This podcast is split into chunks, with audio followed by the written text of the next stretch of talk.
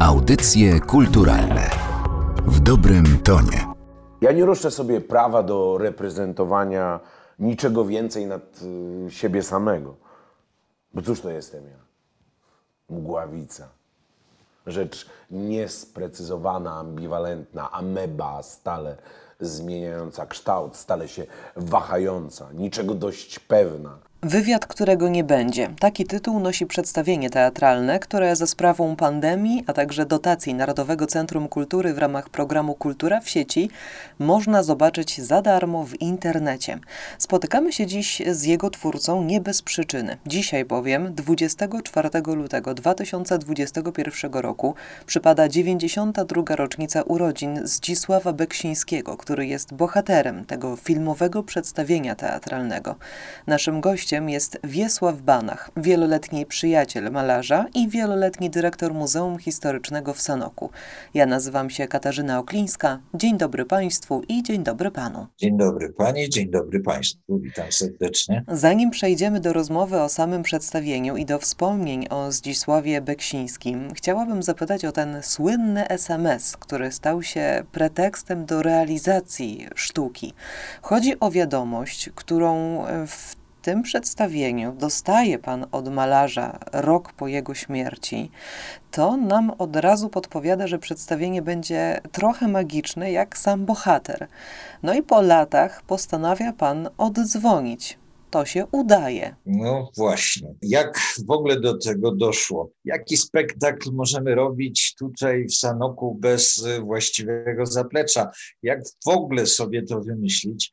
Wtedy no jakby zadzwonił ponownie ten telefon, ten mechanizm. No przecież może warto byłoby nawiązać do tego, co się stało rzeczywiście w tym 2006 roku, kiedy to przygotowując dużą wystawę do Muzeum Narodowego w Gdańsku, usłyszałem dzwonek SMS-a i nawet nie było czasu, żeby się temu przyjrzeć. Dopiero gdzieś nad ranem w drodze otwarłem ten SMS i no i to było gigantyczne zdumienie. Z nieaktywnego już telefonu Beksińskiego napisane zadzwoń.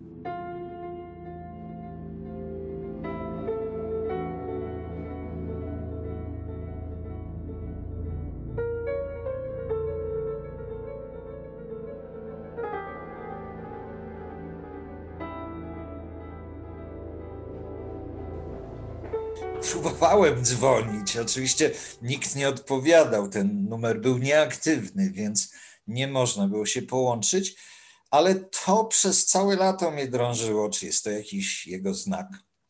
Beksiński, który miał spore problemy z wiarą, może od tego byśmy zaczęli. Niemniej jednak miał jakieś gigantyczne pragnienie, nadzieję może jakąś gdzieś głęboką, że życie istnieje po śmierci nadal i kiedy zmarł jego syn, kiedy zmarła jego żona najpierw, potem syn, to jakby oczekiwał od nich jakiegoś znaku. Pamiętam taki moment, jak wpadam do niego do warszawskiego mieszkania i Beksiński pokazuje mi ramkę ze zdjęciem Tomka, syna i mówi, wie pan, nie, niech się pan ze mnie nie śmieje, ale, ale to zdjęcie tak opadło w ramce. Może to jest sygnał od Tomka, może on jednak z tamtej strony jakoś jeszcze żyje. Więc te wszystkie nasze rozmowy i ten tajemniczy SMS nagle przyszły mi do głowy, że może jakoś z tym Beksińskim porozmawiamy jeszcze raz. Przecież pozostawił po sobie no, tysiące różnych materiałów, tekstów, materiałów filmowych, nagrań dźwiękowych. Wiadomo, że prawdziwego połączenia już nie będzie, ale może wykorzystać ten materiał tak, żebyśmy mogli sobie porozmawiać. No i tak doszło do pomysłu. Bardzo metafizyczna historia, zresztą tak jak cała sztuka Zdzisława Beksińskiego, ale to przedstawienie, ten zapis filmowy przedstawienia opiera się na faktach, czyli na listach, wspomnieniach i materiałach archiwalnych, tak jak e, pan już powiedział. Ale nie byłoby tych faktów i nie byłoby tego przedstawienia, gdyby nie pan, bo odnoszę wrażenie, że to pan jest nośnikiem emocji i to pana osobowości osobiste doświadczenie, znajomość, tak dobra znajomość ze Zdzisławem Beksińskim przesądziły o efekcie końcowym. No właśnie, tutaj przychodzi mi do głowy taka myśl, która nieraz wracała. Beksiński przez ostatnie lata, od 96 roku, 94 właściwie prowadził takie notatki, taki dziennik w komputerze. W tym dzienniku znajdujemy taką refleksję, właściwie dla kogo ja to piszę. No bo żona nie otworzy komputera, Tomek, syn, no nienawidzi komputera, więc on też tego nie będzie czytać. W końcu i jedna osoba, i druga umiera, on pisze nadal, pisze właściwie do ostatniego dnia. Dla kogo on to pisze? Jakby automatycznie nasuwała się taka odpowiedź, no właściwie on to pisze dla Banacha, ponieważ no myśmy byli w kontakcie coraz cieplejszym. Oczywiście w jakimś tam momencie dzwoniąc do mnie wieczorem mówi, wie pan, no niech pan tutaj do mnie kiedy przyjedzie, kiedy pan będzie mógł, bo ja chciałbym z panem omówić bardzo ważną sprawę. No oczywiście to była sprawa dotycząca, co zrobić z całą jego spuścizną. I on mi wyraźnie mówi, no bardzo taka dla mnie przykra rozmowa, bo on mówi, wie pan, no ja muszę się nastawić, że w każdej chwili mogę umrzeć, że w każdej chwili odejdę. A po mnie pozostaje to wszystko, co pan tutaj dookoła widzi. I wymyśliłem sobie, że to panu zapiszę. Na co odpowiedziałem, panie Ścisławie, to jest niemożliwe. To tak nie może być. Niech pan zapisze. Owszem, ale na Muzeum Sanockie, a nie na mnie. Wie pan, jak to jest z muzeami, z dyrektorami. Dzisiaj pan jest dyrektorem, jutro pan wylatuje. Przyjdzie ktoś, kto wsadzi te moje prace gdzieś do do archiwum. Do zapleśniałej piwnicy, jeszcze gorzej, prawda? I to wszystko będzie niszczone. Panie Zdzisławie, może by to było możliwe gdzieś w Polsce, ale na pewno nie w Sanoku. W Sanoku to będzie jednak coś, co e, niezależnie ode mnie i po mnie, do czego każdy będzie wracał i będzie na pewno pod troskliwą opieką, co się sprawdza, bo jak pani widzi, nie jestem już dyrektorem, a mój następca tak samo podejmuje te działania jak, jak i ja, więc nie okłamałem go tutaj i on jakoś z takim trochę żalem, ale powiedział: No dobrze, to niech pan z prawnikiem zastanowi się, jak ma wyglądać ten mój testament i ja go napiszę.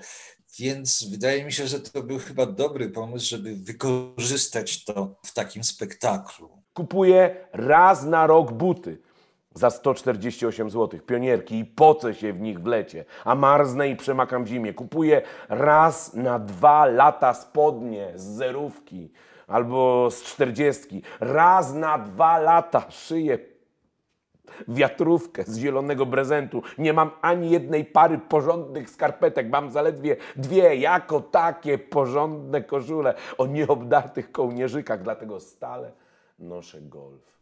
W tym przedstawieniu siłą rzeczy, tak jak pan już wspomniał o tym mieście, jest dużo Sanoka. Miasta, od którego Zdzisław Beksiński chciał uciec, jak mówił, do Nowego Jorku albo chociaż do Warszawy, co się udało, ale jednak do Sanoka nieustannie wracał. Właśnie to jest ta rzecz, która mam nadzieję też w tym spektaklu jakoś się ujawnia. Z jednej strony Beksiński nienawidził Sanoka, bo to takie małe miasteczko. To była rodzina, rodzina Beksińskich to była ta zasłużona, znana, no powiedziałbym, jedna chyba z najbardziej znanych rodzin po ojcu inżynierze, dziadku inżynierze i pradziadku, który był powstańcem listopadowym uciekającym z, z zaboru carskiego właśnie tutaj do Galicji która się dorobiła, która miała mnóstwo wykupionych gruntów w Sanoku, która no, razem z kuzynem stworzyła tą firmę rozwijającą się nieprawdopodobnie, produkującą przed wojną już tramwaje, wagony. Po wojnie, po upaństwowieniu zrobiono z tego autosa. A więc to była bardzo znana rodzina, której się przypatrywano, a Beksiński no, nie cierpiał być tak na, na talerzu. Denerwowało go to, że za plecami na pewno obgadują ich, że jest nieustannie na językach Sanoczan. Tym bardziej, że ta rodzina była taka dość specyficzna. Ojciec na przykład lubił przechadzać się na golasa po swoim ogrodzie, więc to musiało razić się w małym, prowincjonalnym miasteczku, chyba nawet nie tylko w małym w tamtych czasach. Więc Beksiński czuł na sobie ten oddech okolicy. Ale jak sobie przypomnimy z tego spektaklu, jest taki fragment, akurat zaczerpnięty z jego dzienników refleksji, kiedy on mówi o filmie Feliniego Amarcord. I mówi z olbrzymią czułością, że on właściwie oglądając, ilekroć się ogląda ten film, to płacze. Dlaczego? Dlatego, że on przypomina mu Sanok, ten Sanok z dzieciństwa. Z jednej strony więc ucieka z tego Sanoka, a z drugiej strony jednak ten Sanok tkwi w nim głęboko. Sanok utracony, ale utracony też komfort życia. Wspomniałam o listach i materiałach archiwalnych, bo trudno o nich nie wspomnieć. Odsłaniają ludzką twarz Zdzisława Beksińskiego. Wybrał pan w tym przedstawieniu na przykład fragmenty listów o pieniądzach i kosztach utrzymania. Uświadamia nam to, jak trudne to były czasy dla twórców, no ale wiemy, że też nie tylko dla twórców. Tak, ten obraz PR PRL-u, który widzimy w tym spektaklu, tak sobie myślę nawet po moich dzieciach, już nie mówiąc o wnukach, że to jest dla nich jednak zupełnie dziwny, obcy świat. Beksiński, który chce tworzyć, musi się borykać jakby z podstawowymi problemami. Nawet papieru porządnego nie można kupić, żeby można było rysować to, co chce. Nie można kupić farb. A jeszcze w pewnym okresie swojej twórczości tworzy reliefy tworzy, takie obrazy i rzeźby abstrakcyjne, które wymagają na przykład cyny. No i oczywiście tej cyny nigdzie nie można dostać. Kawałeczek, odrobinę, ale przecież to mu nie starczy. Więc Beksiński się oczywiście po latach przyznaje, jak to z autosanu pod nogawką oblepiał sobie jakimiś plastrami i takie słupki tej cyny wynosił, żeby mógł tworzyć po prostu. Więc my doświadczamy w tym spektaklu tego, z czym spotykali się artyści na co dzień. Ale wie pani, w tym kontekście trudności PRL-owskich pojawia się coś, na czym mi bardzo zależało.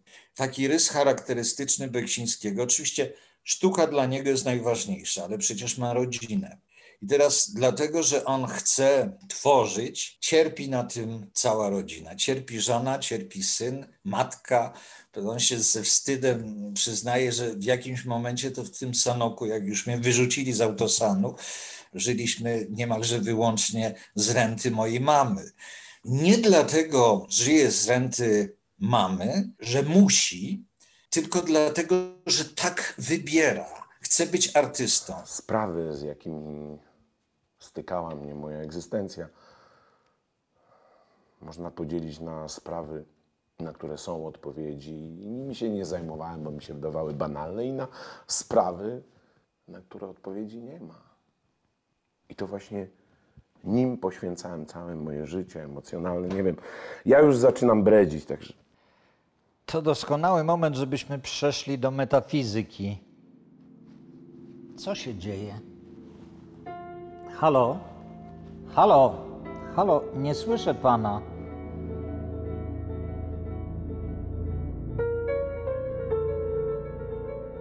W rozmowie telefonicznej z teatralnym Zdzisławem Beksińskim, w którego wciela się Rafał Szałajko, porusza pan wiele wątków, ale to, co bardzo ciekawe, to fakt, że Beksiński w latach 60. próbował swoich sił literackich, a inspirowali go m.in. Samuel Beckett czy Witold Gombrowicz. Ten ostatni jednak najbardziej. Ten wątek literacki, bo przecież zostały po nim opowiadania, on się tak za bardzo do nich nie, nie chciał przyznawać. Gombrowicz był jakimś objawieniem dla niego.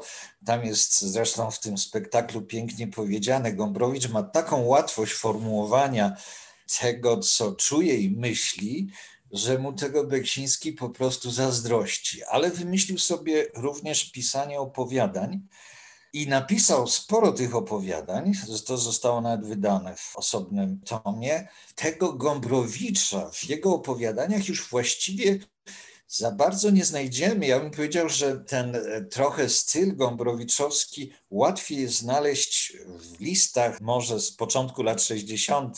Natomiast te opowiadania z kolei bardziej bliskie są francuskiemu pisarzowi Rob Grier.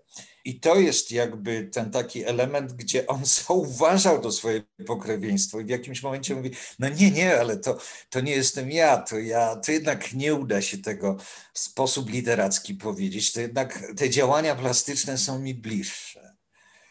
Aczkolwiek pamiętam taką rozmowę, kiedy mówi o tym, że właściwie on nie musiał być malarzem. Mógłby robić zupełnie różne inne rzeczy. No mógłby również i pisać, no ale szybko jednak, bo to trwa, ta przygoda z jego spisaniem trwa niespełna dwa lata. Jednak się z tego wycofuje. To nie jest sposób opowiedzenia o sobie, o swoim wnętrzu, że jednak obraz jest czymś bardziej dla niego naturalnym. Znamy Beksińskiego malarza, który oddał się malarstwu fantastycznemu i to rzeczywiście była lwia część życia tego artysty, ale zaczynał od fotografii, która jest moim zdaniem wyjątkowa. Młody Zdzisław Beksiński przez 8 lat czyli trochę więcej e, niż dwa lata, kiedy zajmował się twórczością literacką. Robił czarno-białe zdjęcia, głównie swojej żonie, często w niezwyczajnych pozach, tylko fragmenty ciała. Warto wrócić do tego momentu życia artysty, bo w dużej mierze fotografia kształtowała w nim to, moim zdaniem oczywiście, co potem spowodowało, że zaczął malować. To jednak 8 lat życia i to w takim początkowym okresie twórczości. Z fotografią jest związane to jego marzenie, żeby pójść na studia filmowe do Łodzi. Kiedy trzeba podjąć ostateczną decyzję, co studiować, ojciec twardo mówi: Synu, ty kiedyś założysz rodzinę, musisz tą rodzinę utrzymać, w związku z tym idziesz na architekturę. Beksiński co prawda złożył nawet swoją teczkę i zdał egzamin do Akademii Sztuk Pięknych, no ale marzeniem najważniejszym to jednak byłaby szkoła filmowa i w przyszłości robienie filmów fabularnych.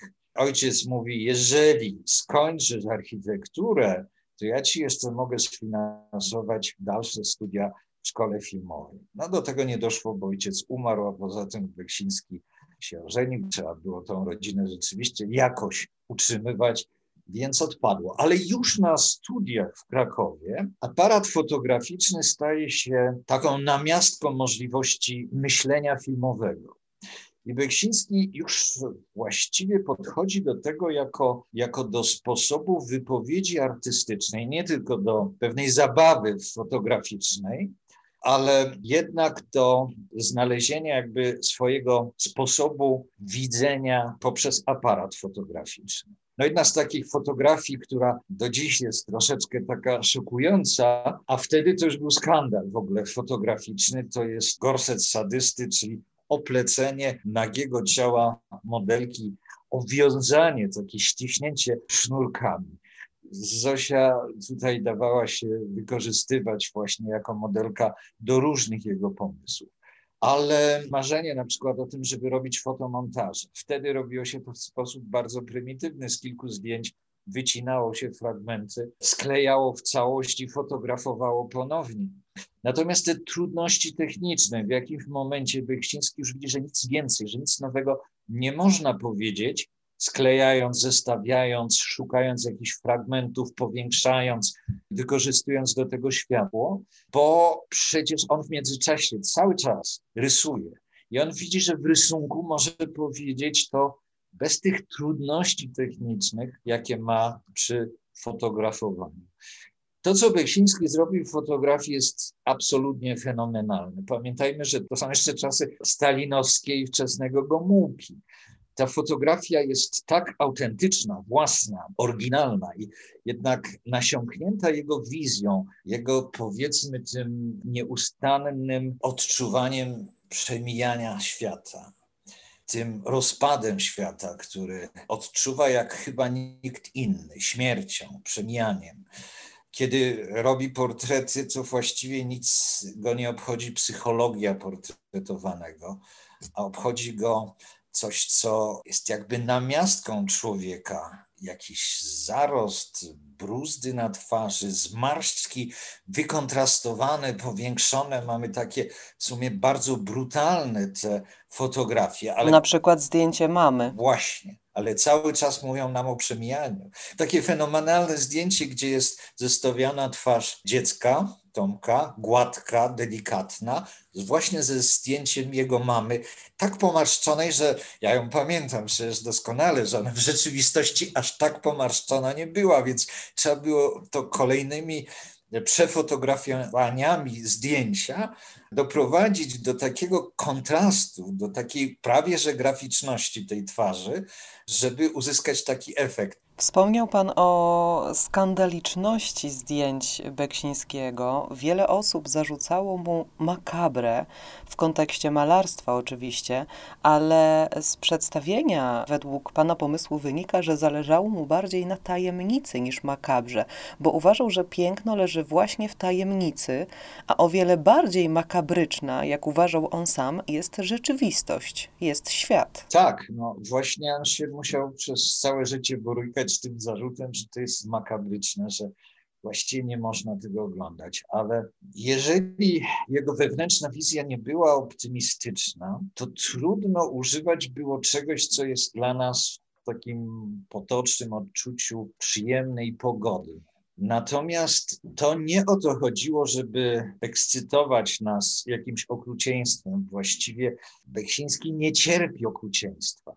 Ale jak mówić o tajemnicy człowieka? Jest ten piękny taki fragment, w którym on odnosi siebie jako takiego pyłku wobec wszechświata, wobec tego, co widzi na firmamencie nieba w nocy, prawda? Ta maleńkość człowieka, ta znikomość człowieka, który przecież przemija, za chwilę go nie będzie, a więc to przemijanie w kontekście tajemnicy bytu człowieka, tajemnicy świata w ogóle, jest jego głównym problemem i ten żal, że widzi się okrucieństwo, że widzi się brzydotę tych elementów, a nie jako używanie pewnych atrybutów, pewnych przedmiotów, pewnych modeli do tego, żeby opowiedzieć o jakimś wewnętrznym rozdarciu, wewnętrznym tragizmie, wewnętrznym bólu, ponieważ sztuka zawsze dzieje się pomiędzy czymś, prawda?